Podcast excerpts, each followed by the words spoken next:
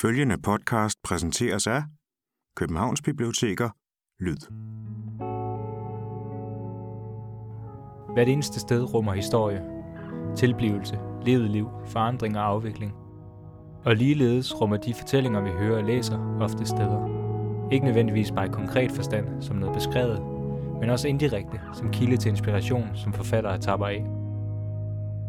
Skjulte sprækker, offentlige kirkegård, fortidens baggård, fremtidens byggeplaner, fredelige oaser og hektiske pladser kan alle være et spirende frø for pludselige tanker, der forplanter sig i forfatters kreative kompostbunke, og som over tid, nedbrydning, glemsel og erindring rodfæster sig i deres litteratur i en helt ny form. Mit navn er Jakob, og du lytter til Guldkysten. En serie om steder og litteratur og deres gensidige indvirkning på hinanden. I dette afsnit mødes jeg med forfatter Johanne Myggen, på Vorbjergsvej i Sydhavnen. Det er her hovedpersonen i Johannes bog, Kærlighedens år, flytter ind. Men hvad er det for nogle tanker, der ligger bag at bruge Sydhavnen som kulisse? Og hvordan er Sydhavnen i det hele taget repræsenteret i dansk litteratur? Og der er også meget sjovt. Jeg har den, den der bager, bruger jeg i bogen. Det, det er jo sådan en ting, ikke? Hvis man flytter fra Frederiksberg, så handler man jo ind i Emery's eller sådan, ikke? Hvor at, øh, nu har vi godt nok fået en økologisk bager, men, men altså sådan det der med, at altså, det er jo også en klassemarkør. Hvad er det for en bager, du går i? Hvad er det, du køber? Køber du en uh, citronkage med birkes fra Emery's, eller køber du en vinerstang med sådan noget gul creme, der bare flyder ud over det hele, eller sådan, ikke?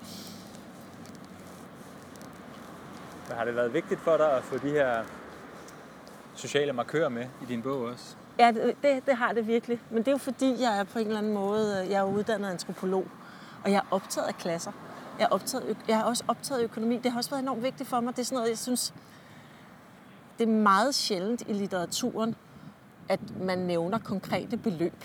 Men jeg har det bare sådan, der står 9.678 kroner på Nannas vedligeholdelseskonto. Ikke? Nok til maling og nyt tapet, ikke nok til, at jeg kan få nogen til at gøre det for mig. Vel? Altså, fordi at økonomi er en vild vigtig del af folks liv. Altså, det er virkelig, virkelig vigtigt, og det betyder enormt meget. Og, og især når man bliver skilt, så får man jo en helt anden økonomisk virkelighed. Og det der bare, altså, mm, det der er mange, mange, der slet ikke får skrevet om.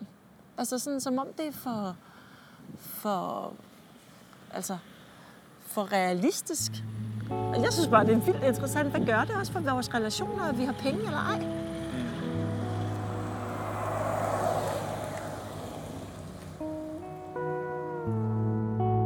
Jeg henter nøglerne den 2. januar. Den tidligere lejer er flyttet lige før nytår, siger manden på ejendomskontoret og rækker mig den lille brune kuvert. Jeg kan bare begynde at male.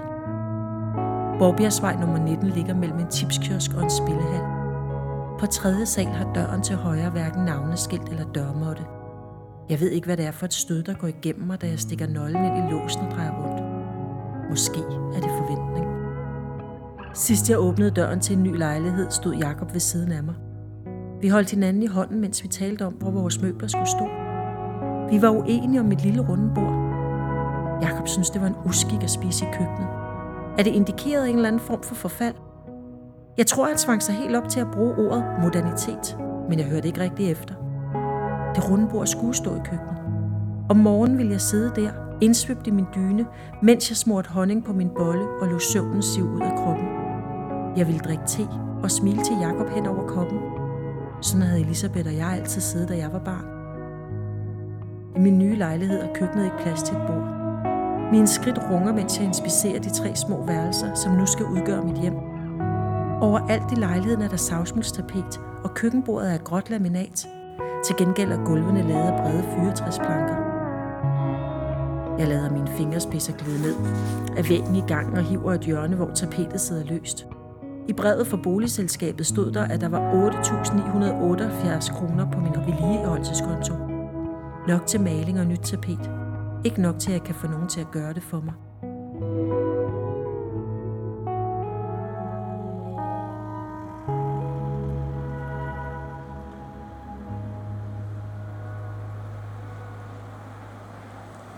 Jeg har boet i Sydhavnen i ja, snart 15 år, ikke? Øh, så jeg har jo kørt ned ad Borbjergsvej tusind gange. Ja. Øhm, og Øh, jeg, altså, hele det der med at skrive en bog for mig, var en meget intuitiv proces. Fordi at jeg har jo været journalist i mange år, og jeg har ikke læst litteraturvidenskab, og jeg har ikke, altså, jeg har bare ikke gået på nogen skoler overhovedet. Jeg har ligesom bare siddet og skrevet den selv, og det gav sådan nogle mærkelige ting. Og blandt andet en af de ting, der var, det var, at jeg i meget lang tid havde det sådan, at når jeg, jeg har, i min bog har jeg både afsnit fra 70'erne og afsnit fra nutiden. Og jeg synes, at nutiden var fyldt med flere billeder. Og det sagde min redaktør, det var det ikke. Uh, hun var sådan, det er omvendt. Mm. Det, der er nogle meget præcise detaljer i dine 70'er, men der er ikke noget i din nutid. Og så gik det op for mig, at jeg faktisk havde skrevet bare sådan, Borgbjergsvej. Og når jeg så skriver Borgbjergsvej, ordet Borgbjergsvej, så ser jeg jo Borgpladsvej foran mig. Men min redaktør var sådan, det gør man altså ikke, hvis man bor i Brønderslev. Så gå op og beskriv Borgbjergsvej. Og så gik jeg herhen, og så beskrev jeg Borgbjergsvej, og skulle også have sådan en beslutning om, hvor boede hun. Og det, jeg opdagede, mens jeg ligesom beskrev Borgbjergsvej, som jo er en sydhavnsrealitet, men som jeg ligesom ikke på en eller anden måde ikke tænker over mere, det er jo, at når man beskriver Borgbjergsvejs butiksliv, så er det jo meget tydeligt, at Sydhavn er et ret fattigt kvarter.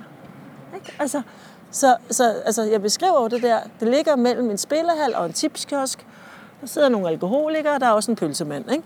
Og, og det, jeg blev faktisk sådan helt sådan bange, da jeg skrev det. Fordi jeg fik sådan en følelse af, at, sådan, at jeg på en eller anden måde sådan fremhævede Sydhavnen som noget grimt, og jeg elsker jo Sydhavnen.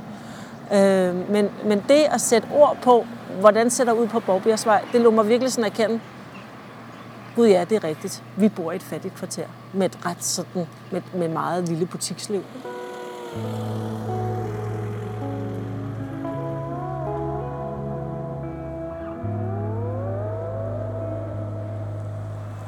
Jeg havde ikke nogen intention om at skrive om Sydhavnen som et socialrealistisk sted. Jeg har ikke nogen intention om at være dansk litteraturs nye socialrealist. Men jeg er i et kvarter, som er fattigt, og som er ubeskrevet, fordi vi har så meget middelklasselitteratur i Danmark. Så derfor så blev jeg pludselig opmærksom på, at der var socialrealistisk i Sydhavnen. Og øhm, altså, det er, det er jeg stolt af. Der er jo rigtig meget, altså jeg synes, altså der er jo rigtig mange sådan pletter på litteraturens landkort i Danmark, som, altså der er skrevet, tror jeg, flere bøger, der foregår på Østerbro end i Sydhavnen. Og jeg er meget glad for at få fyldt lidt af den plet ud.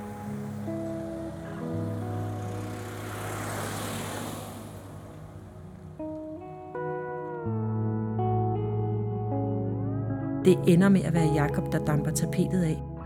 Du kan bare passe ungerne, siger han og ifører sig det samme malertøj, som han brugte, da han malede vores køkken. Jeg giver ham nøglerne, når han cykler afsted. Da jeg mødes med ham om eftermiddagen, står stuens vægge for revne og rå. Kan du selv sætte det nye tapet op, spørger han, og overskud til at smile, da han ser mit ansigtsudtryk. Jeg har bestilt tapetet på en svensk hjemmeside. Det hedder Paradiset og forestiller fugle og blomster og fisk og søer og kirsebær og blommer i gul, rød og blå.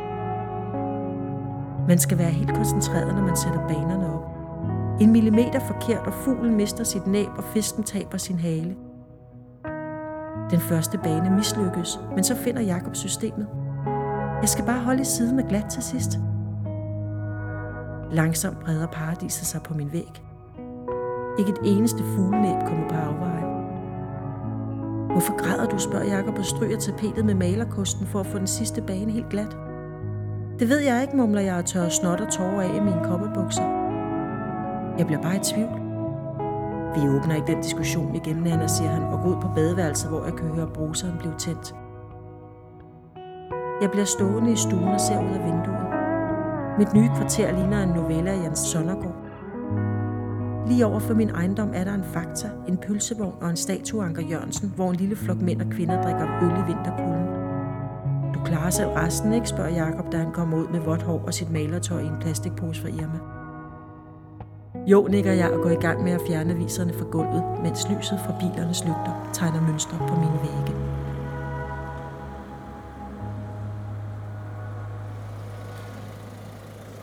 Du skriver også på et tidspunkt, hvor Nana har været ude for at interviewe sin mor, som er gået traditionstro måske lidt, øh, lidt skævt, og hun har ikke helt fået det, Er der hun mange drømte om. dårlige interviews? Så cykler hun hjem igennem byen, og bliver lidt irriteret over hele Københavner-stemningen, og der er styr på det.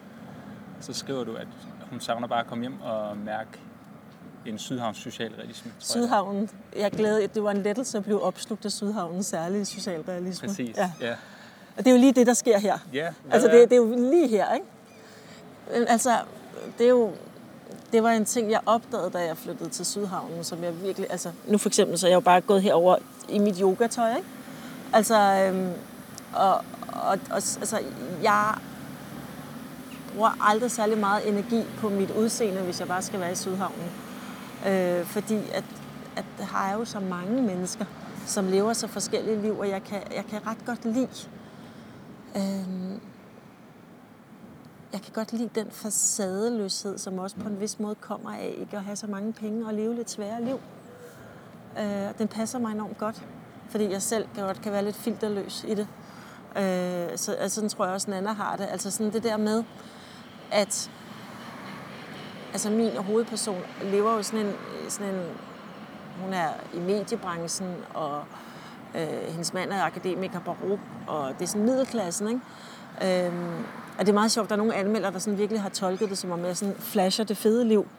Jeg synes jo ikke, at middelklasselivet er specielt fedt. Altså, jeg synes, det er fyldt med alt muligt ret ubehagelig positionering, og det er også det, jeg prøver at skildre. Og det synes jeg, der er mindre af i Sydhavnen. Simpelthen. Altså, der er mere sådan... Altså, måske har folk ikke råd til at positionere sig. Og det, øh, altså, det, I like.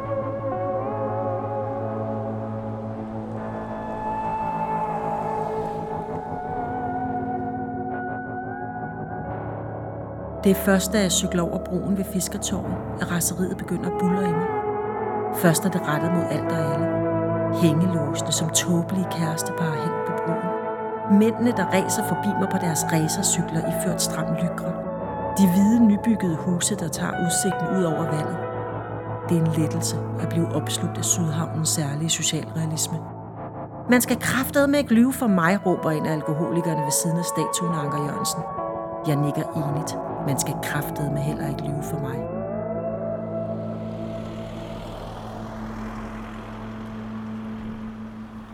Men adskiller den sig så for andre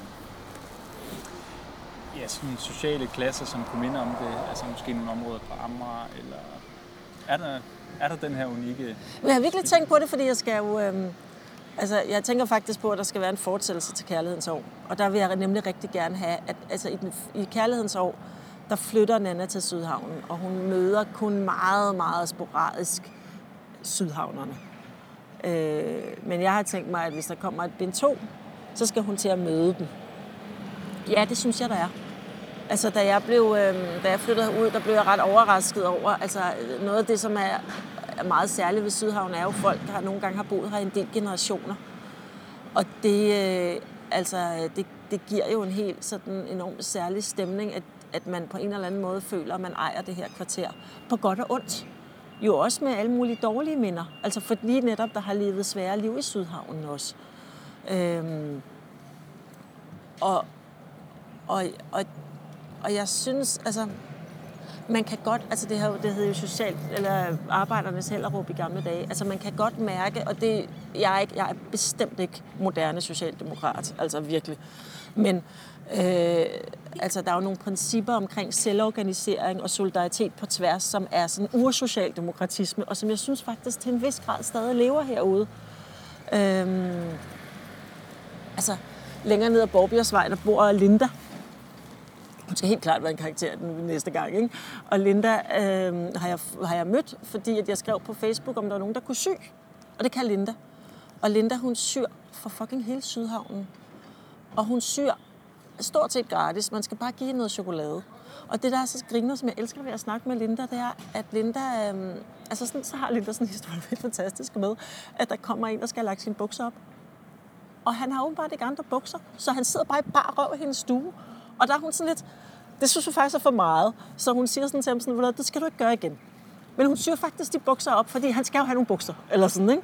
Altså, og det er, øh, altså, øh, det, det, der er sådan en, og det var sådan sjovt, fordi jeg, jeg føler, at jeg kan tillade mig at fortælle den her historie, fordi da jeg var der sidst, der sagde jeg til hende, du ved godt, jeg skriver, jeg godt tænke mig at bruge dig næste år, og så var hun bare sådan, det gør du bare. Altså, der er sådan en, altså, der er sådan en meget... Øh, det, det, det gør man bare. Det er vel også bare en... Altså, øhm, der er nok en meget stærk følelse i Sydhavn af, at hvis vi ikke gør det selv, så er der ikke andre, der gør det. Øhm, og måske også en følelse af, at man, øh, altså, at man jo ikke har, altså, man har jo ikke pengene til at købe luksusen. Så man bliver på en eller anden måde nødt til at gøre nogle andre ting selv, eller sådan, ikke? Øhm, og, og det, øh, altså det er jo sådan en, altså, det er jo også sådan en venstrefløjskultur, som også er stærk herude, ikke? Altså sådan en eller anden sådan form for hverdagssocialisme eller sådan, ikke?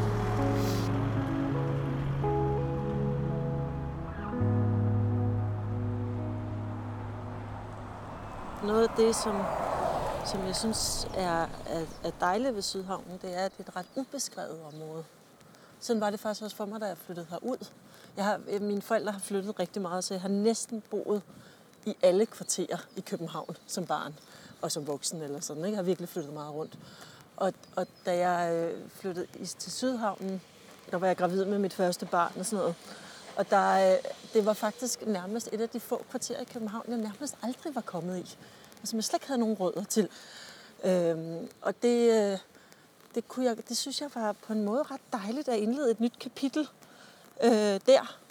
At, at, at også fordi, at øh, børnenes far kom over øh, fra England, så han var ligesom også helt ny, så det var sådan på en eller anden måde rart, at vi ikke boede i et eller andet kvarter, hvor jeg havde kysset øh, andre og alle sådan nogle ting, eller sådan, ikke? Øh, og på samme måde, så føler jeg faktisk sådan, altså sådan, der er noget ret fint i at beskrive et kvarter, som er ret ubeskrevet. Ja. Øh, det kan jeg ret godt lide. Og, øh, og øh, altså, jeg kan godt lide at komme i et, altså sådan, altså hvor Christianshavn for eksempel, der er det sådan, altså, der, der, det er så beskrevet af klichéerne, som man hænger på træerne eller sådan, ikke? Øhm, og det, altså jeg har også nogle scener i min bog, der foregår i Indre By. Altså Indre By, det er sådan, altså der, der er virkelig et ekko, når man, altså sådan fra litteratur og film, når man ligesom beskriver det. Eller sådan, altså hvor at, Altså, der altså, er så man ikke... lettere kommer til at karikere en, en eller anden mm, floskel, så Ja, sige. eller man, man, jo, man jo sådan trykker på nogle knapper. Det gør man også med Vesterbro, for eksempel. Ikke? Altså sådan, der har folk været, det kender de. Øh, det, det, det, det har de allerede nogle idéer om, hvad de mener om. Hvor at Sydhavnen er lidt, altså er, er, er ubeskrevet på en anden måde. Og det er jo sjovt, og det er jo både så i forhold til dit personlige liv, ja. da du så indkom, og forhold til din litterære virke, at den også har været et, ja, et ubeskrevet ståsted der. Ja, og jeg kan faktisk huske, at, at, at de første år, jeg boede her, det er sådan blevet lidt mindre hos mig, men der var jeg faktisk sådan, jeg var ret indineret over at opleve, at Sydhavn var så overset, også i byplanlægningen. Øh, at, at det var sådan et sted, man bare ligesom Altså sådan, for eksempel var det sådan helt tydeligt, at man havde overhovedet ikke diskuteret det der sådan folkeskole. Altså i resten af byen, der var der bare sådan noget brug folkeskole overalt. Og det var der slet ikke på det tidspunkt i Sydhavnen. Ikke? At man sådan, altså også den måde trafiksituationen er på, altså man, eller den måde, de bygger på stejlepladsen på, ikke? Åh, vi glemte lige om der var en grøn grund, vi smider lige nogle hus derhen, eller sådan en budgetforhandling, ikke? At, at der var det der kvarter af nogle mennesker, som ikke har særlig meget stemme øh, og derfor heller ikke har fået særlig meget stemme i den offentlige debat. Og jeg skrev faktisk en klumme om det til weekendavisen en gang om, at, at man siger ligesom, at udkanten, det, den tror man ligger i Vestjylland, men udkanten, altså Sydhavnen er, er også udkant. Altså det er også et, et kvarter, hvor folk, hvor der ikke er nogen, der taler for dem, ikke?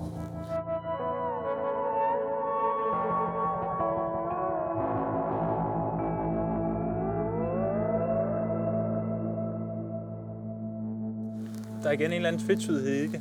Øhm, dels så kan det op, ja, så kan der være noget udkants øh, udfordring i Sydhavn, men, men der er også en eller anden unikhed i det der med, at de har været den der afsondrede ø i København. Jamen det er det, altså det, det, jeg synes det er dobbelt, det er det samme det der med, med mangfoldigheden, ikke? At nogle gange er det også, hvor meget skal den egentlig bære, og nogle gange er der også den der sådan enorme sådan self-made kultur, øh, i Sydhavnen. Også hvor der er sådan, altså, der er nogle griner ting, ikke? Altså for eksempel, total optur, så får jeg bare et nummer af min veninde øh, Rikke, som virkelig også er en gammel sydhavner og kender Gud og hver mænd, på Søren Skær Slipper. Så kommer Søren Skær Slipper og henter alle mine knive. Slipper alle mine knive. Det er sådan noget, Søren Skær Slipper gør. Altså, det, altså, det, jeg, altså, Ja, det har han vel gjort i mange, mange generationer. ja, ja, og jeg, jeg kender bare ikke fucking andre kvarterer, hvor Søren Skær Slipper eksisterer som en figur. Altså, jeg boede i mange, mange år på Nørrebro. Altså, rigtig mange. Jeg boede fra jeg var øh, 20 til jeg var 30 på Nørrebro. Ikke? Øh, jeg har aldrig nogensinde... Altså, jeg, jeg følte mig også enormt hjemme på Nørrebro, men, men der var aldrig en Søren Slipper. Og det er selvfølgelig også noget med... Jeg ved faktisk ikke, altså... Det, det, den form for sammenhæng er der ikke, vel? Og det er jo det, der er det sjove ved Sydhavnen, den afsondrethed. Men det betyder også bare nogle gange, at der er ikke nogen, der taler for Sydhavnen overhovedet. Men begge aspekter, der er vi måske igen tilbage ved noget af det der med den særligt sydhavnske socialrealisme, Ja, som, som har alle mulige aspekter, som er, kan være triste og som kan være berigende, givende og hårde. jo jo, men det er også noget med, jeg synes også, altså... Da jeg boede på Nørrebro, jeg følte mig ikke forpligtet på Nørrebro. Altså, Nørrebro var et sted, jeg brugte. Men jeg, altså, jeg følte ikke, at jeg havde nogen forpligtelser for det. Altså, jeg føler, jeg har også nogle gange, altså, der med Stejlepladsen, skrev et læserbrev til politikken på vegne af Sydhavnen. Og, altså, jeg, jeg kan godt føle en forpligtelse over for øh, Sydhavnen. Altså, i lille bitte omfang. Jeg laver virkelig ikke særlig meget. Men jeg, det kan jeg godt føle, som jeg ikke, altså, øh, og jeg, jeg er sådan, Det synes jeg er ret smukt. Ja. Altså, fordi du har jo ikke, du har som sagt, jeg har boet her allerede i 15 år, ja, at man alligevel får det der ejerskab, vi også snakkede lidt om tidligere. Altså. Ja, men Man jeg føler det. også ligesom det der med, at der er jo ikke så mange i Sydhavn, der kan sætte sig ned og skrive et læserbrev til politikken, som så bliver trygt. Men det kan jeg godt finde ud af. Eller sådan, altså, så, så er det ligesom mit bidrag, ikke? Ligesom at, at Linda syr de der bukser, eller sådan, ikke? Øh, og, og det, øh, og, og, og, altså,